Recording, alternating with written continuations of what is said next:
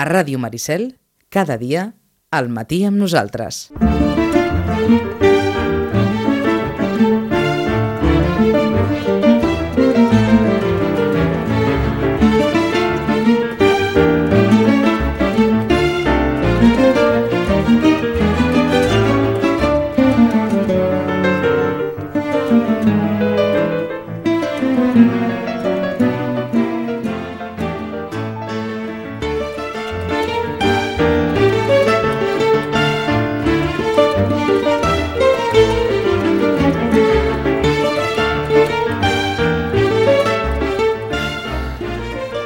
senyor. Aquest micròfon se'm desendolla sol. Vinga, passen dos minutets de dos quarts de dotze d'avui dimecres. És hora de parlar de llibres. I de seguida parlem amb Rosana Lluc, de Llorenç Llibres, però crec que avui eh, en aquest espai hem de mencionar eh, doncs, la veu a, a, a un periodista que potser no, no, no feia una novel·la literària, però sí que d'alguna manera té una vessant literària important, com és José Martí Gómez, que, que uh, va morir ahir, i vam saber de la, de la seva mort, i que doncs, va ser un cronista, doncs, cronista negre, com l'han definit en, en molts casos, doncs, eh, reconegut i amb una important trajectòria en molts mitjans, radiofònic, premsa, eh, per, literari també, per tant, doncs, és aquí la menció a José Martí Gómez. Rosana, molt bon dia. Hola, molt bon dia. No sé si eh, quan passen, quan se sap doncs, de, de persones eh, que tenen una trajectòria crònica i literària potent, això es nota després a les llibreries, a sota la gent com que desperta i diu ai, vaig a buscar eh, el llibre d'aquesta persona que ara he vist que, que ha mort i, i el vull rellegir, no? o el vull llegir. Acostuma sí, a passar això, oi? Sí, sí, un o dos clients ho han fet, això sí. Això sí, no? És a dir, Sí, que un o dos clients. Eh? d'això ens passa. Vinga, anem a parlar de novetats literàries. Jo no sé si... Encara falta, eh? Perquè, de fet, ara ara tot just entrem en Carnaval, però tinc la sensació que l'esperit de Sant Jordi comença a aparèixer, perquè aquestes setmanes ja hem vist anunciats moltes presentacions de llibres de cara a inicis de març, que entenc que miren de fer-se coincidir perquè per Sant Jordi estiguin ja a punt, eh? Uh, sí, doncs uh, com tu ben, ben bé has dit, això ja comença a ser una bogeria de, de novetats, eh? de novetats que surten, perquè és clar, el que no pot ser és que surtin a l'abril perquè llavors no ens n'entarem, i a més a més ja saps que hi ha la Setmana de Santa pel mig, o sigui que, Cert. que no, ha de ser tot ara a febrer i començaments de març. Per tant, novetats literàries i per on vols començar avui, Rosana? Bé, doncs començo per un autor molt, molt, molt prolífic Vinga. que ens va marcar amb l'agenda d'una certa època i que es diu Manuel de Pedrolo. Hombre, El Manuel de Pedrolo és conegut, de fet, eh, sí que és veritat que les escoles s'ha llegit, per exemple, amb Mecanoscrit del segon origen, Sí, sobretot cert. durant una època... Eh? la meva, la meva. Eh, la teva, no? La meva. Doncs eh, a mi va tocar aquella època que jo veia que, doncs bé, que ara entrava un llibre del Pedrolo, ara el, saps, el segrestaven. Bé, doncs ara ha sortit una novel·la que la censura no va deixar editar. Ah, caram, que interessant.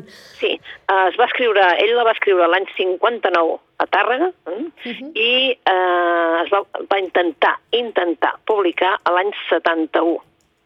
El 71, estem parlant del 71, es, deia, es diu Visita a la senyora Soler.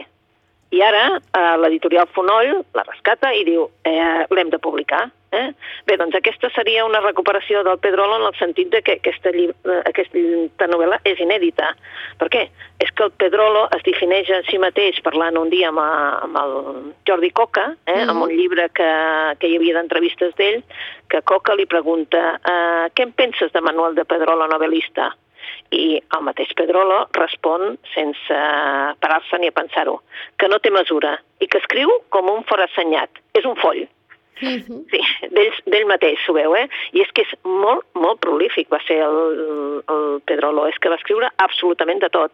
Teatre, eh, ressenyes, mm, crítica, eh, poesia, es va atrevir la poesia visual, eh, evidentment novel·les, novel·la policíaca, novel·la de sentiments, tot, absolutament tot li era possible. Era una persona que, que treballava, i treballava moltíssim, moltíssim, moltíssim, i per això la seva obra és immensa. Uh -huh. Un avançat a la seva època, i ara estic llegint perquè he aprofitat que comentava, i he buscat que eh, a La Vanguardia comentaven i descrivien, parlaven, hi havia un article que en parlaven d'aquesta novel·la inèdita que la censura no va permetre editar i que eh, l'editorial Fonoll eh, treu ara, i que la descriu com una novel·la on demostra la lluita de Pedrolo per la liberació de les dones, per tant, més d'actualitat impossible, eh? Sí, sí, sí, sí, exactament. Per això et dic que és un autor que per mi és un, un dels meus preferits perquè és que mai ha perdut actualitat i és molt difícil amb una persona que us estem dient que això, eh, que la va escriure el 59, eh? Uh -huh. Vull dir que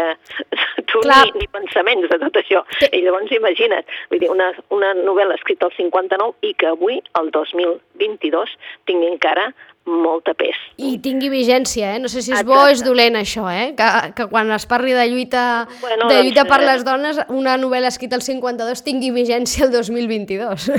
Bueno, perquè també la veritat és que es reflexa d'una època. Ella, ell estava doncs, decidit a lluitar per, uh, per defensar això, la dret de les dones a sentir el que sentien, a explicar el que sentien, a tenir mm, sexe, a tenir relacions Cert. sexuals uh -huh. i mhm. poder-les explicar i, i, i que no allò, no? que l'ambient familiar no els hi reprimís el desig, eh, el, el poder-ho explicar, ni, ni, vaja, ni tenir somnis.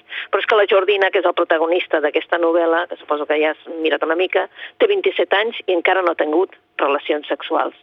Clar, és un ambient oprimit, si estava uh mhm. -huh. soltera, doncs és clar, això li estava mm, totalment prohibit perquè estava soltera, però és clar és que ella té un malson recurrent i és un malson sexual i amb l'ajut d'una amiga, eh, i realment d'ella mateixa doncs, decidir-se troba el camí per, per expressar els seus sentiments i, i necessitats més profuns. Uh -huh. No és l'única novel·la que li van censurar, no és l'única novel·la que li van... bueno, aquesta la van censurar i no la van deixar editar. Eh? Per què? Perquè els censors pensaven que és d'una immoralitat de fondo mucho más que de forma tan enorme que considerades imposible su publicación. Pam, ja està. Ja està, pam, exacte. Ja està, ja està, Vull dir, també posa aquí en el, en el pròleg, també tenim una mica doncs, tot l'acte que se va fer, que veiem com era la censura en aquell moment, eh? Uh mhm. -huh. I vull dir, clar, i llavors penses, mare de Déu, mare de Déu, perquè, bueno, eh? En aquest cas faltaven quatre anys perquè morís eh, el dictador, però la censura bueno, crec que va, era... va, va sí, continuar sí. una mica més i tot, eh? Sí, sí, va continuar una mica més i, i tot, era eh? evident i, per tant, una, una lectura molt interessant per reconèixer i per veure una mica com es vivia en aquella època, què representava la censura en aquella època i interessant també per veure que mm, les dones com vivien i com els afectava eh, aquest context no? eh, eh, tan censurat per elles sí. eh, eh, en mans de, o en paraules o en boca de, de Manuel de Pedrolo. Visita a la senyora Soler. Soler. Què més? Bé, doncs eh, comencem una nova època de l'editorial La Magrana. Mm, la Magrana sí, en vam parlar, eh? sí. Exacte, doncs comencem aquesta nova època amb una novel·la que ja us vaig parlar, que era La Geosmina, sí. i ara continuen amb unes reedicions d'unes obres com el Philip Roth, eh, la senyora Dalloway mm, i, bueno, i una altra que ara mateix no recordo, però posen una novel·la nova del Graviel Marat. Graviel Marat és un autor de Barcelona, Eh? Sí. I eh, és interessant que Magrana l'edita en català i Ediciones B l'editada en castellà. Per tant, la tenim a la taula en doble edició. És interessant perquè, doncs, eh, a veure si fan aquesta política també la, el, el grup, perquè és el grup editorial, és el mateix grup editorial, de fer doncs, portar-nos també autors catalans que també els tradueixin al castellà en el sentit de que surtin fora de casa nostra. Sí. No? I aquí ens parla d'un... Bé, eh, eh, es diu amb la vida, la vida de l'altre, i és el Gravi Marat, com us dèiem. Sí. La vida de l'altre doncs, parla d'un personatge, l'Albert Stein, que és un milionari, però és que, bé, té un tumor cerebral eh, i aquest desapareix. Desapareix quan ja li han diagnosticat això i, i, clar, desapareix en circumstàncies estranyes. Però aquest és el final d'una història i el principi d'una altra. Mm, què hi ha en aquesta novel·la? Pues hi ha absolutament de tot. Apareixen els sentiments de la codícia, la gelosia, la mort, l'amor, l'esperança, i, bueno, i, i també canvia d'escenari de, de, entre Brasil, Costa Rica, el Baix Empordà, és a dir que hi veiem un altre. La vida de l'altre és també perquè neix un nou personatge mm, que, evidentment, eh, no sabem tal com diu algú, que si cadascú de nosaltres pot ser molt més que una, que una persona sola al llarg de la seva vida. D'acord. Per tant, un, com un thriller, no? Una mica, Ah, un thriller una mica Un thriller filosòfic, no? Sí, un thriller filosòfic sobre, sobre un personatge. Mm, que la forma part d'aquesta renovada editorial eh, Magrana, en vam parlar de Josmina de Cinta Farnós, ara parlem d'aquesta La vida de l'altre de Gabriel eh, Marat. I que doncs, eh, és aquesta aposta no, per la Magrana, eh, per aquestes edicions en català, ara que forma part del segell de Penguin, no? I ja em vas comentar. Exacte. Sí, Mhm. sí, sí. Mm. Perfecte. Bé, i continuem amb una altra. Eh, és que el dia 2 es va celebrar el centenari de l'Ulisses, del James Joyce, Sí? i una mica més tard surt de Galàxia Gutenberg a l'Ulisses amb la traducció de José Salas Subirat. I direu, home, Galàxia Gutenberg torna a, traduir, a, a, a fer una nova traducció. No, no és nova. No és nova perquè aquesta és la primera traducció que va sortir al castellà de l'Ulisses, del James Joyce. Mm? Ah, caram. clar, és el, el primer... Clar, eh, es va publicar fa una sèrie d'anys i la veritat és que, clar, la novel·la amb la traducció d'aquest José Salas Subirat el que veiem és que eh, bé, durant 30 anys em sembla que va ser l'única que existia i després eh, molts escriptors de la generació, clar, de les 50 i dels 60 van llegir aquest Ulisses, perquè no n'hi havia d'altre. Mm, Bé, què aporta? Doncs, eh, en principi, el que aporta és que és la primera traducció, que podem veure com es traduïa en aquell moment, i la veritat és que és bona la traducció. Eh? Mhm. Ah, en definitiva, una traducció que tenim més de l'Ulisses per qui s'atreveixi aquest estiu a donar-li un cop d'ull. Sí, sí, d'un clàssic, d'un clàssic no? de, de James Joyce, que, que ens sentim a parlar moltes vegades i de vegades no ens atrevem... Que, que curiós, eh? de vegades ens fan com por els clàssics, oi? I, Sí, i bueno, clàssics de... sobretot aquest, eh? Aquest perquè Clar, l'Ulisses és potent, és potent. No sé, no sé si seria el primer clàssic recomanable a l'hora No, de començar, probablement no, oi? No, no, aquest és un clàssic del 20, és cert, però és també per, per, per agafar-t'ho en calma perquè, doncs, bueno, hi ha molta simbologia darrere i, i, i has d'estar per la lectura, però sí, però és un, és un clàssic per quan tinguem temps. Uh -huh. I de- d'aquells que vi, pots eh? tenir, pots tenir a, a, la prestatgeria, no?, i el vas veient passar i fins que arriba el dia que dius avui és el dia d'arrencar-lo, oi? Exacte. Què més, Què Rosana? més? Doncs, bueno, se n'anem amb una novel·la que podria ser una mica, a veure, irreverent, se li podria dir, Sí. eh, segons qui la llegís, mm, irreverent, ho és? Doncs mm, creiem que no. És la Melí Nothomb i es diu Set, en castellà o Set en català, o sigui Mhm. que és el mateix títol, s'ha traduït per anagrama en les dues versions, com sempre, i la Melí Nothomb ja sabem que és que mm, sempre porta polèmica, porta polèmica, per això no vol dir que no siguin magnífiques les seves novel·les.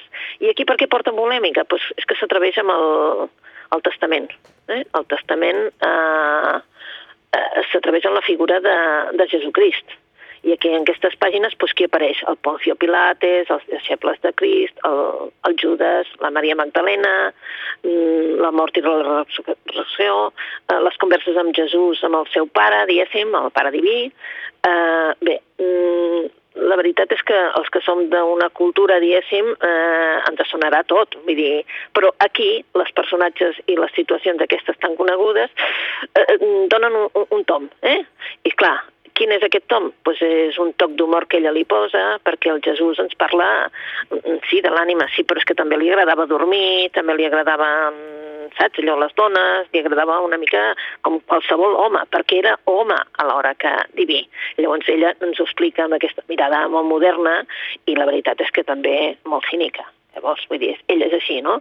Um, clar, què, què passa? Doncs que ens presenta un Jesucrist, doncs això, que coneix l'amor, el desig, la fe, el dolor, eh, la decepció, el dubte, però també mm, coneix la part humana, eh? la de l'home. Eh? I bé, eh, realment el que fa és eh, humanitzar la figura del, De. Jesucrist d'una manera una mica transgressora, potser iconoclasta, si voleu, però no busca provocar per provocar, ni escandalitzar la gent, sinó simplement donar-li un altre punt de vista amb una figura que ens diuen que era home i era fill de Déu. Uh -huh. Per tant, Set, set eh? d'Amélie Nothomb, aquesta, d'alguna manera, reelaboració, reescriptura de la història sagrada, no? Que, malgrat algú pugui pensar que, que busca provocar, no és l'objectiu, eh? No, no és l'objectiu. Ella, ella sempre provoca en el sentit de que bé, té una mirada diferent, però no és provocar per provocar. De tota manera us diem que només té... Ai, se'ns ha tallat. Se'ns ha tallat? Ah, no, ara ja t'he recuperat, t'he recuperat. Que només té, ens hem quedat amb el que només té... Només té 120 pàgines, és curteta. Per tant, és un llibre relativament àgil, la, la Melly Nothomb, que és una gran literària, eh? és a dir, que Sí, sí, ha sí, tret això. eh, títols que han tingut molt d'èxit, que han, tingut, han rebut crítiques eh, boníssimes, i que entenc que en qualsevol cas el que no planteja o no, o, o no posa en aquell llibre és un, aquesta imatge de Jesucrist del musical, eh? Exacte, no, no, no, no és el Jesucrist Superstar, sinó que és un altre tipus de Jesucrist, que és, mm, bueno, el fill de Déu, però fet home, eh? I llavors, clar, mm, mm, fa la vessant aquesta d'home, eh? Uh -huh. Per tant, Bé. ho apuntem, eh? Set d'Amélie Nothomb, que està en català i està també en castellà per anagrama. Sí. I després passem a un llibre molt diferent, i així anem fent llibres Sí, molt, molt diferents. perfecte. Uh, perquè fa un, potser un any ja que va sortir un llibre fet entre el Juan José Millas i aquest eh, llibre parlava de d'això, de la vida contada per un sàpiens a un neandertal. I ara tenim la muerte contada per un sàpiens a un neandertal.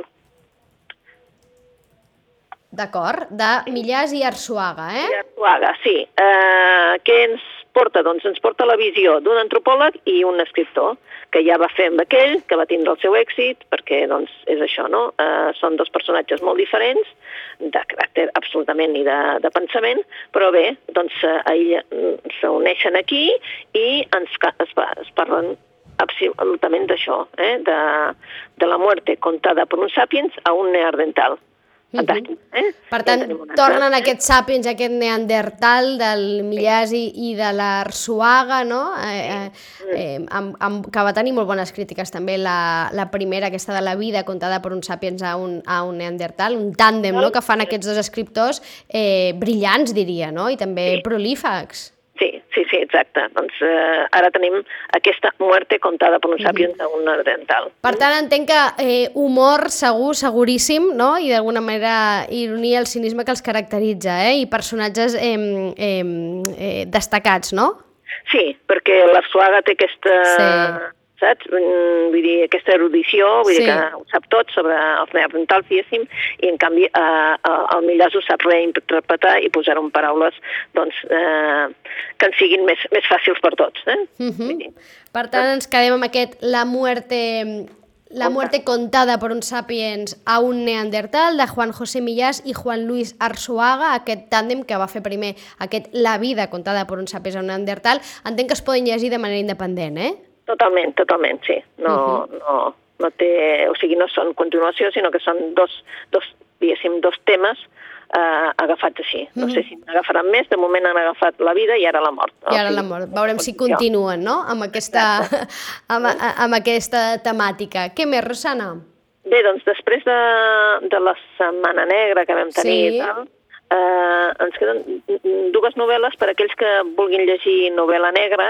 Vinga. Se n'ha parlat, se parlat en els diaris, se n'ha parlat per tot arreu, eh, però són dues novel·les molt diferents. Les dic alhora i així Perfecte. la, la diferència. Una és la Cristina Casar Escalia, que la consideren la nova, saps, la nova Camilleri, eh? Sí. perquè, eh? perquè doncs, se'n va també cap a Sicília. En aquest cas eh, està centrat en... És un cas que passa, eh, diguem-ne, en un poblet just al costat de l'Etna. Eh? Mm? Va, sempre cau aquell... Sempre cau aquella eh, pols que diuen ells que és una, una arena, eh? una areneta negra que, que ho cobreix tot, i per això la novel·la es diu Arena Negra, un caso de Vanina Carrassi.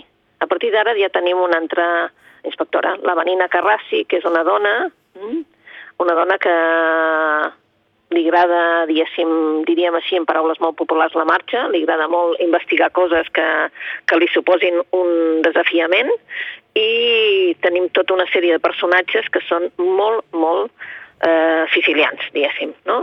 Des d'inspectors eh, confidents, eh, persones que d'aquelles que ella sempre confia en un, en un eh, sostinent que, que és que té contactes absolutament amb tothom, amb tothom, i per tant, ella sempre que sap que li ha d'encarregar alguna cosa, eh, per enterar-se'n, li encarrega amb ell, diu, bueno, és que tinc un contacte, diu, per què et penses que t'ho havia demanat a tu, no? Vull dir, són, és una novel·la d'acció, una novel·la també que ens parla una mica també de la zona, de Sí. on està jo, eh, què passa allà, perquè, és clar, evidentment, allò, aquella polsina, aquella polsina va, va, va caient, va caient, mm, tant si estàs d'això, tant si Mhm. estàs a fora com si estàs a dins, ho vas notant, però ja hi conviuen, eh? I per això es diu arena negra, la, la d'això. I en aquest cas, doncs, estan investigant un cos que apareix en una vila d'aquelles grans, eh? que no s'hi vivia, però que el nebot de la, de la que és la, la persona que té el, aquesta vila, doncs eh, hi vivia en una zona petita que només hi anava de tant en tant. Aquí apareix, està amagat, està amagat en un en lloc com si tinguessin un montacargues i, evidentment, la persona va vestida així com a molt de luxe per estar, doncs, no saben ben bé encara qui és. Um, és una història, doncs, de rancors, una història que tots pensaven que estava enterrada, però, clar, que en definitiva uh, és una història que s'arranca des del moment en què va passar, mm, el moment de l'avi del protagonista, fins Mm. ara. Um, la veritat és que és per disfrutar-la. És una novel·la molt diferent de la que us diem, de la, Virgi, de la Virginia Feito, que ens ha fet la senyora March, perquè si amb aquella la comparen amb la Cristina Casares Cali, amb Arena Negra, la comparen amb el Camilleri, Sí. a la Virginia Feito, amb la senyora March, la comparen amb la Patricia Highsmith. Ah, d'acord. És molt diferent perquè aquesta el que ens presenta és una noia que s'ha casat, eh, que quan era jove, que estava a la universitat, va i es casa amb un profe. 20 anys més gran que ella, o 20 i pico, eh, una persona que ja tenia una família, que ja estava casat, que ja tenia filla, um, i aquesta és una dona que, bueno, es veurà una mica restringida per la societat, representa que té un estatus una mica més alt, viuen en un pis, però ella sempre està en un, mm, en un lloc com a, saps, molt, com a molt restringida per tot. Eh? Mhm. uh, no sap cuinar, necessita una persona, però tot això li sap greu perquè, és clar, ella, evidentment, uh, com aquell qui diu, és una senyora que, que fa molt poca cosa o res. O Sí, sigui, i d'aquesta senyora Marc diria que em vau parlar l'altre dia amb en Vicenç en la darrera, en la darrera espai, oi? Sí, jo diria que l'hauríeu de, saps, contraposar una amb l'altra, perquè llavors sí que disfrutes moltíssim. Per tant, aquí la proposta interessant no, és aquestes dues novel·les negres, Sí. la senyora Marx de Virginia Feito, que has tingut molt d'èxit, i aquesta Arena Negra de Cristina Cristina Casar. Casares Càlia, no?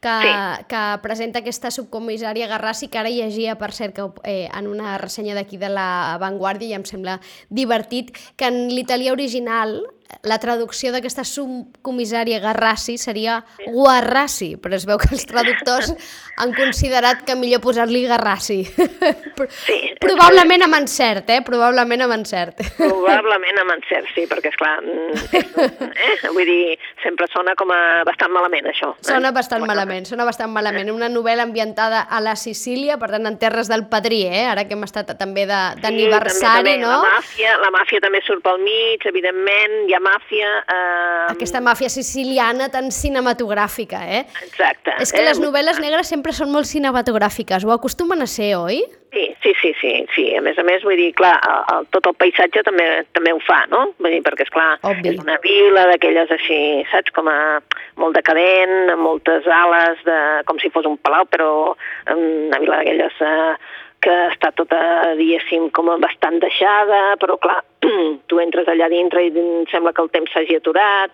Mm, Sí, tot és bastant cinematogràfic, perquè a més a més, clar, els contactes que es tenen des de la policia, sigui el que sigui, doncs sempre hi ha contactes més correctes i els altres més incorrectes, perquè evidentment hi ha la màfia pel mig, però bé, saps, eh, no se sap ben bé eh, què, però la veritat és que, com tu dius, és una novel·la cinematogràfica, sí. Mm -hmm. és, és que acostuma a ser una característica, en qualsevol cas. Cristina Casares Càlia, la nova Camilleri, que diuen amb aquesta arena negra, i si voleu fer aquest exercici que ens proposa la Rosana, doncs llegiu també la senyora March, que en vau parlar eh, fa unes setmanes amb en Vicenç, de la Virginia Feito, i així podeu veure doncs, aquestes diferències no? entre dues... Eh, no...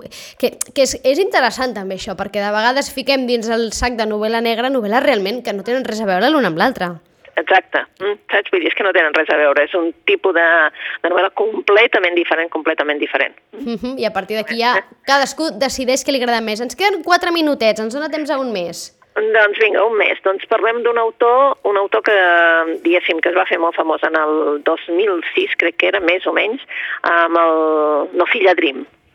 Uh, després, en No Filla Experience, va haver una sèrie d'autors que es ve, eren la, aquesta aquesta generació de No Filla Dream, uh -huh. vale? i eh, Agustín Fernández Mallo... Ara l'hem perdut. T'hem perdut, Rosana. L'hem perdut. Hem perdut la Rosana que ens parlava d'aquest eh, Nocilla Dream d'Agustín Fernández eh, Mayo.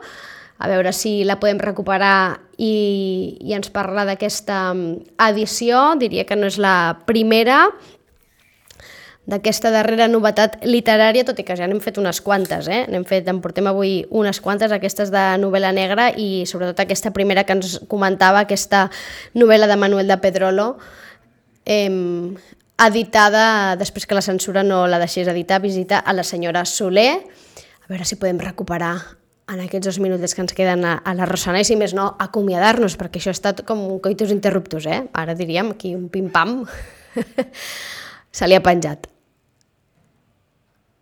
Bé, doncs faig jo un petit repàs de, del que ens ha comentat, eh, aquesta visita a la senyora Soler, aquesta edició de Manuel de Pedrolo, un escriptor molt prolífic i que en el seu moment no es va poder editar eh, perquè la censura ho va impedir, una novel·la que a més a més explica i detalla molt bé la situació de les dones eh, en aquell context eh, de censura i que, eh, malgrat hagin passat molts anys, doncs encara hi ha eh, assumptes vigents. Ens ha parlat també de la vida de l'altre, de Gabriel eh, Marat, de Set, d'Amelia Nothomb, una autora que també va triomfar molt amb la seva anterior novel·la, que ara no recordo el seu nom, però que també és una literària amb molt bones crítiques, d'aquest tàndem de Juan José Millás i Arsuaga, que ha fet eh, aquest tàndem on parla d'un sapiens eh, parlant a un, a un humà i que per tant abans era la vida i ara era la mort perquè els agradi doncs, eh, l'humor eh, i la ironia de, de Juan José Millás i la sabidoria d'Arsuaga i també d'aquest eh, duet o d'aquestes dues novel·les negres que són la de Cristina Casar Escàlia, Arena Negra i la senyora Marx de Virginia Feito per si sou fans de la novel·la negra, us agrada aquest gènere eh, literari, voleu fer comparatives i adonar-vos que dins de la novel·la negra doncs, hi ha eh, literatura molt diferent i lectures molt diferenciades, a més tot just ara que eh, acaba de finalitzar doncs, la Setmana Negra a Barcelona, al, al BCN Negra. Bé, des d'aquí, Rosana, si ens estàs escoltant, mm, que vagi molt bé. Bon carnaval, és que ha sigut això un, un, un comiat un tant estrany. En qualsevol cas, nosaltres eh, ho deixem aquí, amb aquest espai llibres. Acabem aquí el dimecres, tornem demà dijous. Per fi, per fi, dijous de Carnaval, que sabem que hi ha molta gent nerviosa, que aquests tres dies es veu que són molt llargs. Demà descobrirem per fi qui és, qui representa sa majestat Carnestoltes a Sitges i per tant qui regnarà en aquesta vila durant una setmana i arrencarà eh, la festa tan desitjada. Eh? Si més no, això és el que eh, sentim, eh? que hi ha moltes ganes de festa i moltes ganes de carnaval. Que acabin de passar. Molt bon dia, tornem demà. Adéu-siau.